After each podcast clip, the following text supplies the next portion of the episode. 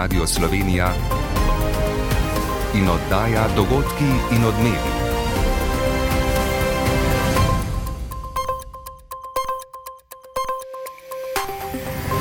Ura je 15 in 30 minut. Dobar dan. Pozdravljeni. Šolska in davčna reforma sta bili v spredju tretjega reformnega koalicijskega vrha. Pri načrtih v šolstvu je v spredju digitalizacija, pri davčni reformi pa bodo glavne spremembe pri dohodnini in obdavčitvi nepremičnin. Med ključnimi vodili pa usmeritev naj se davki plačujejo glede na ekonomsko moč posameznika. Pristojni minister Klemen Boštjančič. Ključna ugotovitev je, da uh, potrebe družbe na eni strani in na drugi strani davčni sistem ne gresta več skupaj. Kot je še dodal minister, je končni cilj preprost, pregleden in razumljiv davčni sistem. Za zdaj še ni mogoče oceniti, v kolikšni meri bi se ameriška bančna kriza povezana s pretiranimi naložbami obveznice lahko razširila tudi v evrsko območje, ocenjuje nekdani guverner Banke Slovenije Mitja Gaspari. Bi pa po njegovem Evropska centralna banka dogajanje na drugi strani Atlantika morala upoštevati. Jaz mislim, da bo treba relativno hitro razmisliti o tem, da se nekoliko upočasni ta stampeda dvigovanja obrestnih mer, ki, ki ga zdaj ECB skuša doseči. Novela zakona o tujcih še vedno razburja zaradi pogoja znanja slovenščine. Notranje ministrstvo ga namreč kljub opozorilom nevladnikov ni črtalo iz predloga. Ti opozarjajo, da bi ukrep družine lahko pahnil v hude stiske. Izvršni direktor slovenske filantropije Franci Zlatar teoretično bi jih lahko država tudi deportirala. Ne. Gre pa predvsem za to, da verjetno, če tisti, ki izpita ne bodo upravili čez noč, ostali brez statusa. Ne. Izraelski parlament kljub množičnim protestom nadaljuje sprejemanje sporne reforme pravosodja. Cilj vlade naj bi bilo sprejetje temeljnih elementov še ta mesec. Jutri se bo delno zjasnilo, hladneje bo. Z vami sva Ana Štraus in Tomaš Polak. Za vladno koalicijo je tretji reformni vrh na Brdu pri Kranju. Januarskega so namenili zdravstveni reformi, februarskega reformi plačnega sistema v javnem sektorju, danes pa so na vrsto prišle spremembe davčnega in šolskega sistema. Pogovor o šolski reformi je za zdaj prinesel le napoved posodobljenih prehranskih smernic, zahtevnejši posegi v učne načrte pa bodo sledili do leta 2026. Davčna reforma pa naj bi prinesla preprost, pregleden, zlasti pa pravičnejši sistem pobiranja davkov. Jasno je namreč, da nove davčne vire potrebujemo za ambiciozen reformni program, ki ga država ne bo mogla financirati zadolževanjem, tudi zato, ker se s prihodnjim letom znova vračajo fiskalna pravila. Dogajanje na Brdu pri Kranju je spremljal Tomaš Celestina. Tomaš, kako je koalicija pospremila razmislek o davčni reformi? Dobar dan. Tudi po tokratnem koalicijskem vrhu, ki je bil v primerjavi s prvima dvema razmeroma kratek, sprememba pa je bila tudi v tem, da je pred novinarje smel stopiti resorni minister, smo slišali, da je bila razprava konstruktivna in da je nakazala pravo smer. Bistvena sprememba, ki se pripravlja, pa je po besedah premijeja Roberta Goloba najprej ugotovitev, kakšen neto dohodek imamo, potem pa še pogled, kakšno je naše premoženje.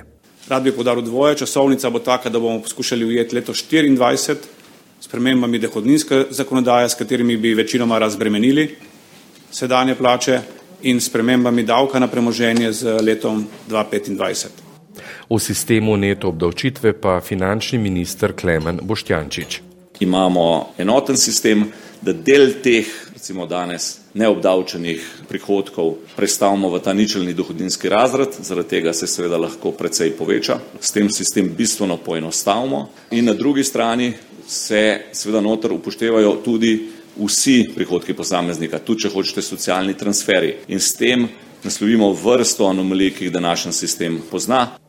Ko gre za obdavčevanje premoženja, je Boštjančič omenil večji del le nepremičnine in sicer progresivno glede na urednost, ne na število nepremičnin. Bistveno manj pa se bo dalo postoriti pri drugih oblikah premoženja in še nadomestilo za uporabo stavljenega zemlišča ostaja takšno, kot je, pa še izjavi Tanje Fajon in Mateja Tašnarja Vatovca.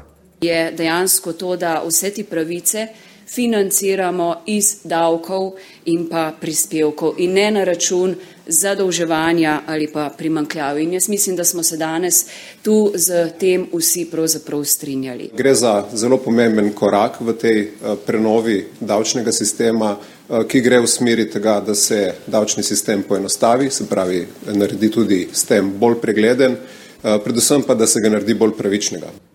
Davčna reforma bo v prihodnih mesecih deležna zelo široke razprave. No, široka razprava pa čaka tudi šolsko reformo, v katero smer bodo šli razmisleki na tem področju. No, koalicija je razpravo o šolski reformi pravzaprav šele dobro začela. Minister Darjo Felda pa pravi, da se je dogajanje treba lotiti na dveh tirih in sicer gre najprej za razmislek, kakšen naj bo naš šolski sistem čez deset let, pri tem naj bi pustili dovolj manevrskega prostora tudi za pretrese, kakršna je bila recimo epidemija COVID-a, ki je do dobro razgalila tudi naše šolstvo. Sicer pa naj bi v letošnjem letu doživeli posodobitev prehranskih smernic in premislek, kako naj šolske kuhinje delajo bolj trajno trajnostno in ekonomično.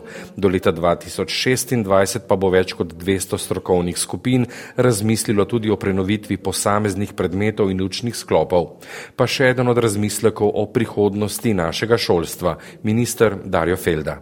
Nasplošno pa vemo, da v bistvu pehanje za ocenami in uh, v bistvu samo, da bi rekel, da ocena pove vse o človeku, to seveda vsekakor ni dobro. Ne? To je skratka, tu mora biti marsikaj drugega, torej tu vemo, da imamo upravka z nekimi predmeti, kot so recimo, ne vem, na, če na hitro povem, recimo športna vzgoja, ki se na nacionalnem preverjanju znanja preverja pisno. Ne? Če tu pove vse. In še digitalizacija šolskega sistema more prinesti poenoten sistem, ki je v času COVID-a pokazal veliko pomankljivosti. Mlade pa naj bi pripravil tudi na morebitne pasti digitalnega sveta. Toliko z brda pri kranju. Tomaš Celestina, hvala in lepo zdrav. Po koalicijskem vrhu pravkar poteka še seja vlade, na kateri obravnavajo predlog zakona, ki bo urejal temelje plačnega sistema javnega sektorja. Za nekaj pojasnilo tem je z nami v studiu Katja Arhar, lepo pozdravljena. Dobar dan. Za kakšen predlog gre? No, vlada je sindikatom javnega sektorja pred tedni predstavila izhodišča reforme plačnega sistema v javnem sektorju, zdaj pa je na podlagi predlogov sindikatov in njihovih nasprotovanj pripravila predlog zakona, ki bo služil kot nekak temelj za nadaljna pogajanja na centralni ravni, se pravi z vsemi sindikati javnega sektorja. Od prihodnjega tedna bodo tako šli od točke do točke oziroma od člena do člena tega zakona in se usklajevali glede novih členov. Del tega zakona je tako plačna lestvica, kot tudi skupni elementi plače, kot so recimo dodatki, pa tudi plačni stebri. O plačnih razmerih znotraj plačnih stebrov in uvrstitvah delovnih mest v plačne razrede, ki bodo urejeni po dejavnostih, ter o specifikah poklicev, pa se bodo vlada in sindikati pogajali na ločenih pogajanjih o posameznih stebrih, nekatera to vemo že potekajo, recimo za zdravstvo, številna pa ne bi se začela v kratkem. Se pravi, to, kar danes vlada potrjuje, je nek malo bolj dodelan pogajalski okvir, malo bolj konkretna osnova za pogajanja, kot so bila pred tedni predstavljena izhodišča.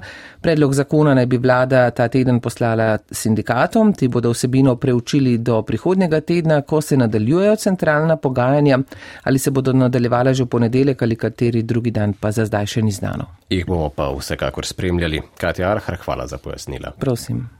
Že na sinočni dopisni seji pa je vlada sprejela predlog novele zakona o zaposlovanju, samozaposlovanju in delu tujcev ter ga poslala državnemu zboru v obravnavo po nujnem postopku. Zakon skupaj s predlogom novele zakona o tujcih poenostavlja postopke za pridobitev dovoljen za prebivanje in potrdil o prijavi ter za zaposlovanje tujcev. Notranje ministrstvo pa kljub opozorilom, da bo ukrep družine tujih delavcev pahnil v hude stiske, iz novele zakona o tujcih ni črtalo pogoja znanja slovenščine. Družinski člani tujih delavcev, ki bodo želeli podaljšati dovoljenje za začasno prebivanje v Sloveniji, bodo tako morali od konca aprila naprej izpolnjevati pogoj znanja slovenskega jezika. Če potrdila o upravljenem izpitu ne bodo imeli, ne bodo dobili dovoljenja za prebivanje, grozi jim celo izgon iz države, opozarjajo nevladne organizacije. Več Lucija Dimnik Rikič. Po 27. aprilu bodo morali polnoletni družinski člani tujih delavcev za podaljšanje dovoljenja za prebivanje imeti dokazilo o opravljenem izpitu iz slovenščine na vstopni ravni. Kaj bo sledilo, če tega ne bodo imeli, izvršni direktor slovenske filantropije Franci Zlatar teoretično bi jih lahko država spet deportirala. Ne. Gre pa predvsem za to, da bodo verjetno, če tisti, ki izpita ne bodo upravili čez noč, ostali brez statusa. Ne. Na status prebivanja pa so vezane številne pravice, starejšim od 60 let, tistim, ki se izobražujejo ali imajo zdravstvene ovire, znanja jezika sicer ne bo treba dokazovati. Ukrep je usmerjen predvsem v priseljence iz Kosova in Albanije, prizadel bo zlasti ženske in bo onemogočil normalno družinsko življenje, opozarja Zlatar. Kar je seveda še dodatno proti načelu celovitosti družine ne, in je seveda tudi izjemno diskriminatorno, ne, zato ker za noben na drugo podaljšanje statusa tujca, ne bodi si zaradi dela, bodi si zaradi izobraževanja, tak pogoj se ne zahteva. Da gre za diskriminatorno določbo, je že upozoril tudi zagovornik načela enakosti. Goran Popovič, ravnatelj osnovne šole Livada, kjer je večina otrok priseljencev, meni, da je znanje slovenščine staršev za komunikacijo šolo vsekakor koristno, vendar gre kljub temu za nelogičen ukrep. Ta kultura tih naših priseljencev je takšna, da te soproge večinoma sedijo doma in vzgajajo otroke. Tako da res ne vidim, zakaj bi pogoj za normalno delovanje moškega bilo poznavanje slovenskega jezika njegove soproge in njegovih družinskih članov. Država od družinskih članov tujega delavca zahteva, da upravijo zahteven izpit, medtem ko tega ne zahteva od delavca, ki lahko še naprej gara in plačuje davke, ob tem pa mora sprejeti, da bo njegova družina izgnana, opozarjajo v ambasadi Rok in delavski svetovalnici. Vlado in poslance pozivajo naj ne sprejmejo novele zakona o tujcih in s tem preprečijo ločevanje družin. V nadaljevanju med drugim o tem, kaj za svetovno bančništvo pomeni zaprtje ameriške banke SVB, pa tudi o tem, da naftna družba Ina Mol z nakupom OMV Slovenija povečuje svoj delež v Sloveniji. Da je ugodila zahtevam po tržni konkurenčnosti, pa je britansko-nizozemski družbi Shell morala prodati 39 benzinskih servisov. Ob vse bolj množičnih prihodih migrantov v Italijo tam poteka ostra razprava o tem, kdo je odgovoren za številne tragične smrti ljudi, ki želijo doseči našo zahodno sosedo. Maribor Mariborski župan Saša Arsenovič pa bo imel veliko težav pri izpolnjevanju svojih predvolilnih obljub, saj gibanje Svoboda ne bo vstopilo v njegovo koalicijo. Svetnica gibanja Karin Jurše ob tem povdarja. Smo pa seveda pripravljeni absolutno podpreti vse projekte, ki pomenijo korist Maribora. Arsenovič se na odločitev še ni odzval. Po včerajšnjih globokih pacih zlasti bančnih delnic na ameriških in evropskih borzah se zdi, da so se razmere po nenadnem zaprtju dveh plačilno nesposobnih ameriških bank danes nekoliko umirile. Ameriški bančni indeks je v pretrgovanju zrasel za 1,8 odstotka, medtem ko so se tečaji evropskih bančnih delnic po večini gibali nekoliko nižje od izhodišča. Se nam je v, novi, v novični bančni krizi uspelo izogniti? Urška je rep. Kot ocenjuje nekdani guverner Banke Slovenije Mitja Gaspari, ta hip še ni možno oceniti, v kolikšni meri bi se utegnila ameriška bančna kriza povezana s pretiranimi naložbami v obveznice razširiti tudi v evroobmoče. Ne glede na to je Gaspari prepričan, da sta tako ameriška kot Evropska centralna banka pripravljeni na vse scenarije. Jaz mislim, da imajo centralne banke dovolj breku na zalogi instrumentov, s katerimi lahko na kratek rok zmanjšajo to negotovost in pa, če hočete, tudi omejeno paniko s tem, da zagotovijo likvidnost. Kaj se bo konkretno dogajalo v evroobmočju ali utegne ECB na četrtkovem zasedanju v boju z opr visoko inflacijo nekoliko znižati napovedano nadaljno rast temeljnih obrestnih mer? To bomo videli v četrtek, pravi Gaspari. Vsekakor pa bi bilo po njegovem naplavljeno obvezniško krizo pri nadaljnem ukrepanju treba upoštevati. Jaz mislim, da bo treba relativno hitro razmisliti o tem, da se nekoliko upočasni ta stampeda dvigovanja obrestnih mer, ki ga zdaj ECB skuša doseči. Vrednost evropskih bančnih delnic je sicer ob današnjem začetku trgovanja še naprej zniževala, a bistveno manj kot včeraj, ko je Evropski bančni indeks, ki beleži poslovanje 42 evropskih in britanskih bank, upadal za 5,6 odstotka. Lojza Kozole, Ilirika. So ti palci mnogo bolj umereni, kot so bili eh, včerajšnji krepki palci. Samo ocenjujem, da je bila ta tržna korekcija, dosedajna tržna korekcija na evropskem bančnem trgu primerna in da je iz tega naslova zaključena. Še posebej, ker kot utemeljuje Kozole, naj bi bili depoziti bank v evroobmočju bolj robustni in manj občutljivi na rast obrestnih mer kot ameriški depoziti tveganega kapitala. Naftno podjetje Inamol je vse bliže prevzemu dobrih 92 odstotkov deleža v OMV Slovenija. Iz INE so danes sporočili, da so z družbo Shell sklenili pogodbo o prodaji 39 molovih benzinskih servisov v Sloveniji, kar je bilo treba storiti v procesu pridobivanja soglasja Evropske komisije za prevzem družbe OMV Slovenija. Iz Zagreba poroča Tanja Borčič Bernard.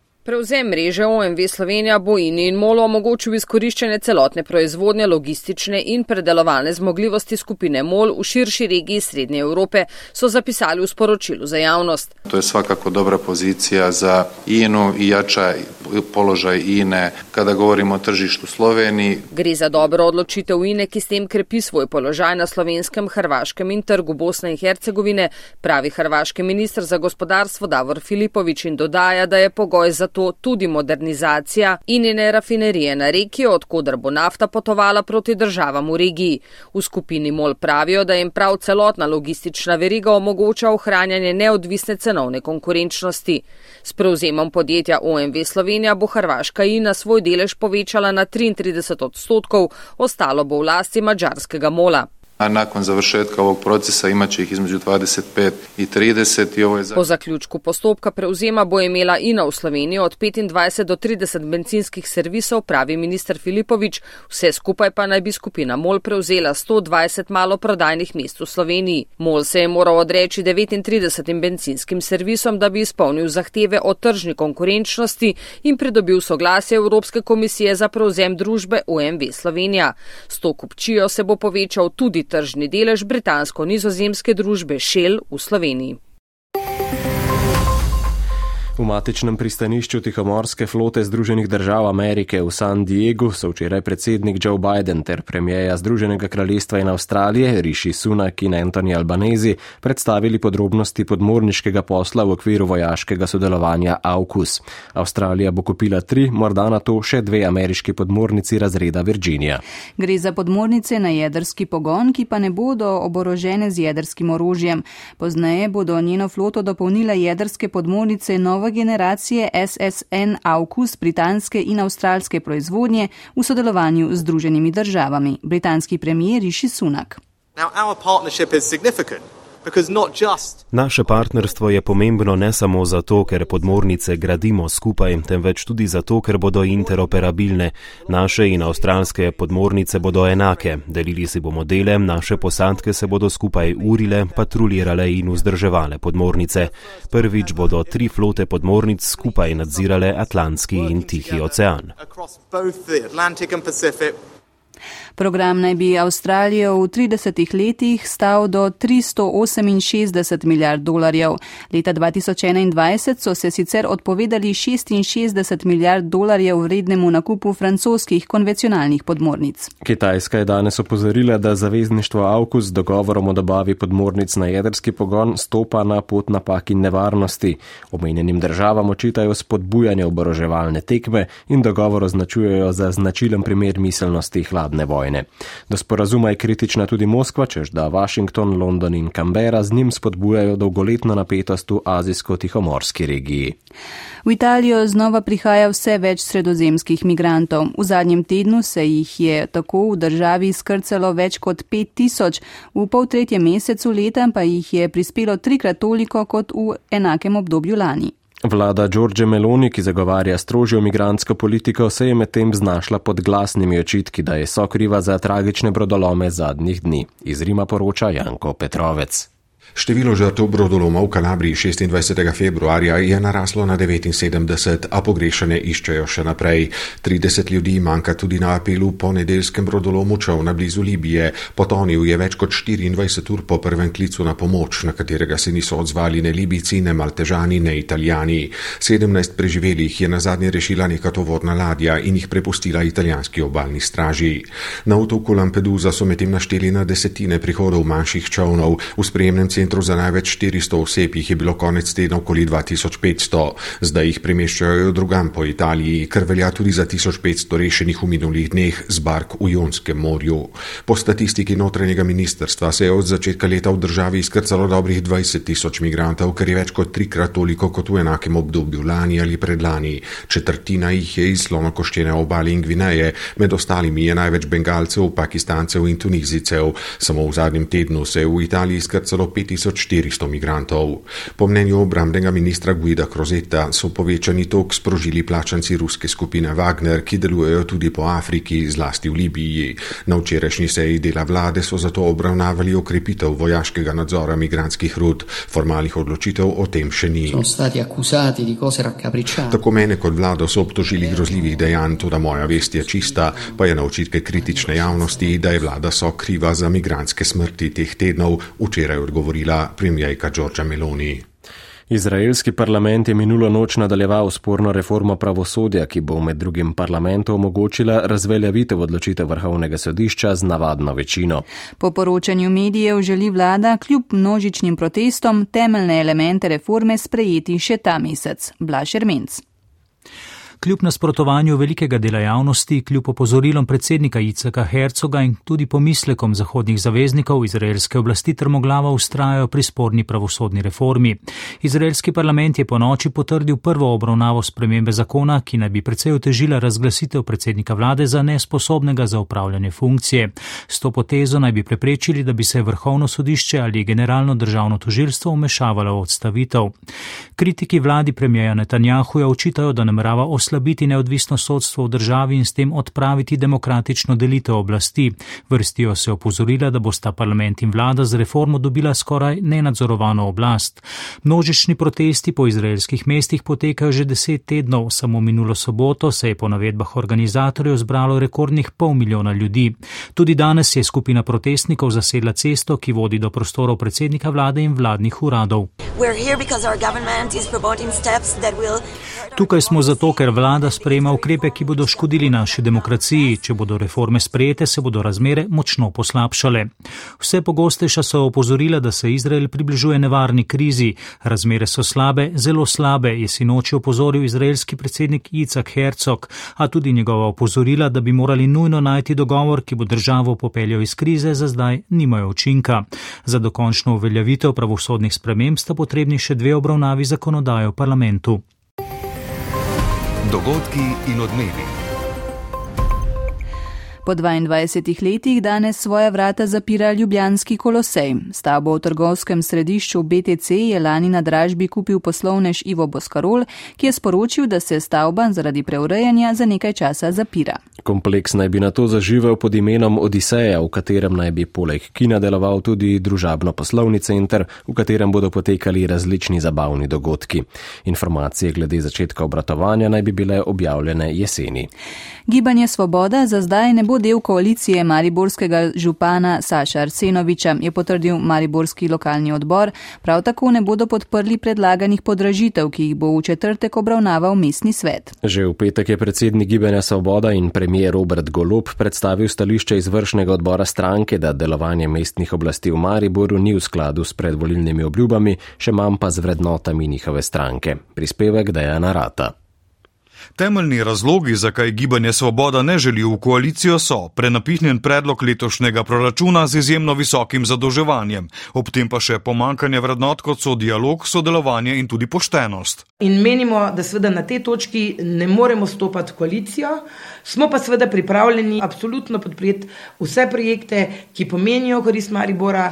Je pojasnila mariborska svetnica gibanja Svoboda Karin Jurše, vodja svetniške skupine Vojko Flis pa je dodal. Če bo prišlo do strpnega, konstruktivnega dialoga, kjer se bomo lahko pogovarjali o vsebinskih vprašanjih, potem so seveda vse poti odprte.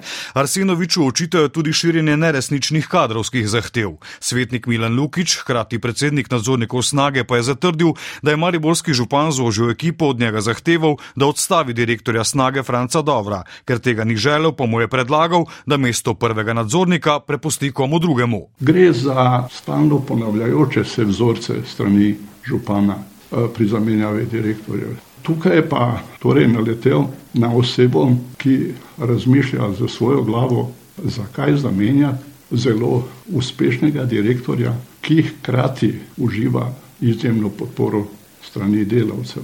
Preprosto ne najdem razloga. Kamen spotike pa so tudi predlagane podražitve. Gibanje Svoboda takšnih podražitev za občane ne bo podprla. Pa je dodala poslanka Lena Grgurevič. Mariborski župan se na pričakovano zavrnitev sodelovanja še ni odzval. Že v petek pa je dejal, da so njegove vrednote zavezane delu, razvoju in izvajanju projektov, ki zagotavljajo delovna mesta, ne pa temu, da je nekdo samo a priori proti. Vladna koalicija je na današnjem vrhu na Brdu pri Kranju za prihodnje leto napovedala davčno razbremenitev plač za leto 2025 pa spremembe davka na premoženje. Kot je dejal finančni minister Klemen Boštjančič, potrebe družbe in zdajšnji davčni sistem ne gredo več skupaj. Napovedal je tudi poenostavitev in večjo preglednost davčnega sistema. Ministr za vzgojo in izobraževanje Darjo Felda pa je glede šolske reforme med cilji povdaril posodobitev vseh učnih načrtov in katalogov znanj v srednjem strokovnem izobraževanju ter digitalizacijo. Do leta 2025 naj bi zaživele tudi spremembe kurikuluma v osnovnih šolah. Temu bo po ministrovih besedah najverjetneje sledila tudi sprememba načina ocenjevanja in preverjanja znanja. Povejmo še, da ima zdravniški sindikat Fides novo vodstvo. Konrada Koštrina je zamenja novi predsednik, prav tako anesteziolog Damjan Pauh. Čez nekaj minut pa sledi še prispevek športnega uredništva, z vami bo Tomaš Langerholz, mi pa vam želimo lep preostanek popoldniva. Nasvidenje.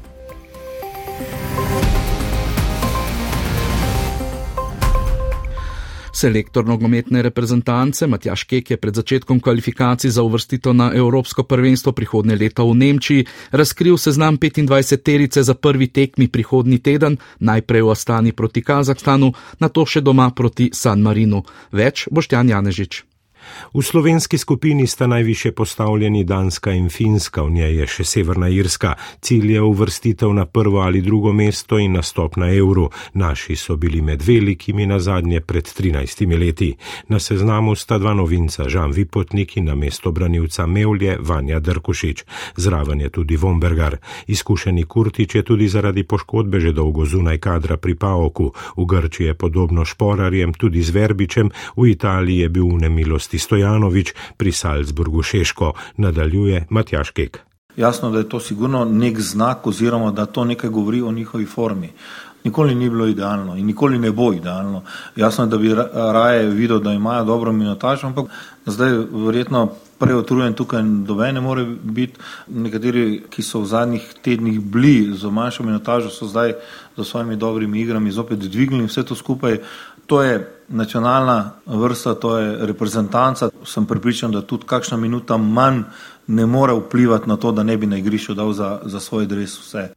Reprezentanti se bodo zbrali v ponedeljek in trenirali na umetni travi. Na Brdu pri Kranju so izžrebali pare četrtfinala slovenskega nogometnega pokala.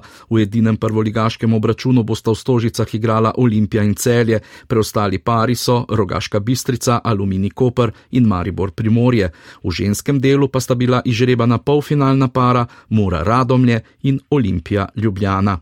Ženska teniška reprezentanca se bo čez en teden doma potegovala za preboj med najboljših 12 ekip na svetu. Tekmec v kvalifikacijah za preboj na zaključni turnir pokala Billie Jean King je Romunija.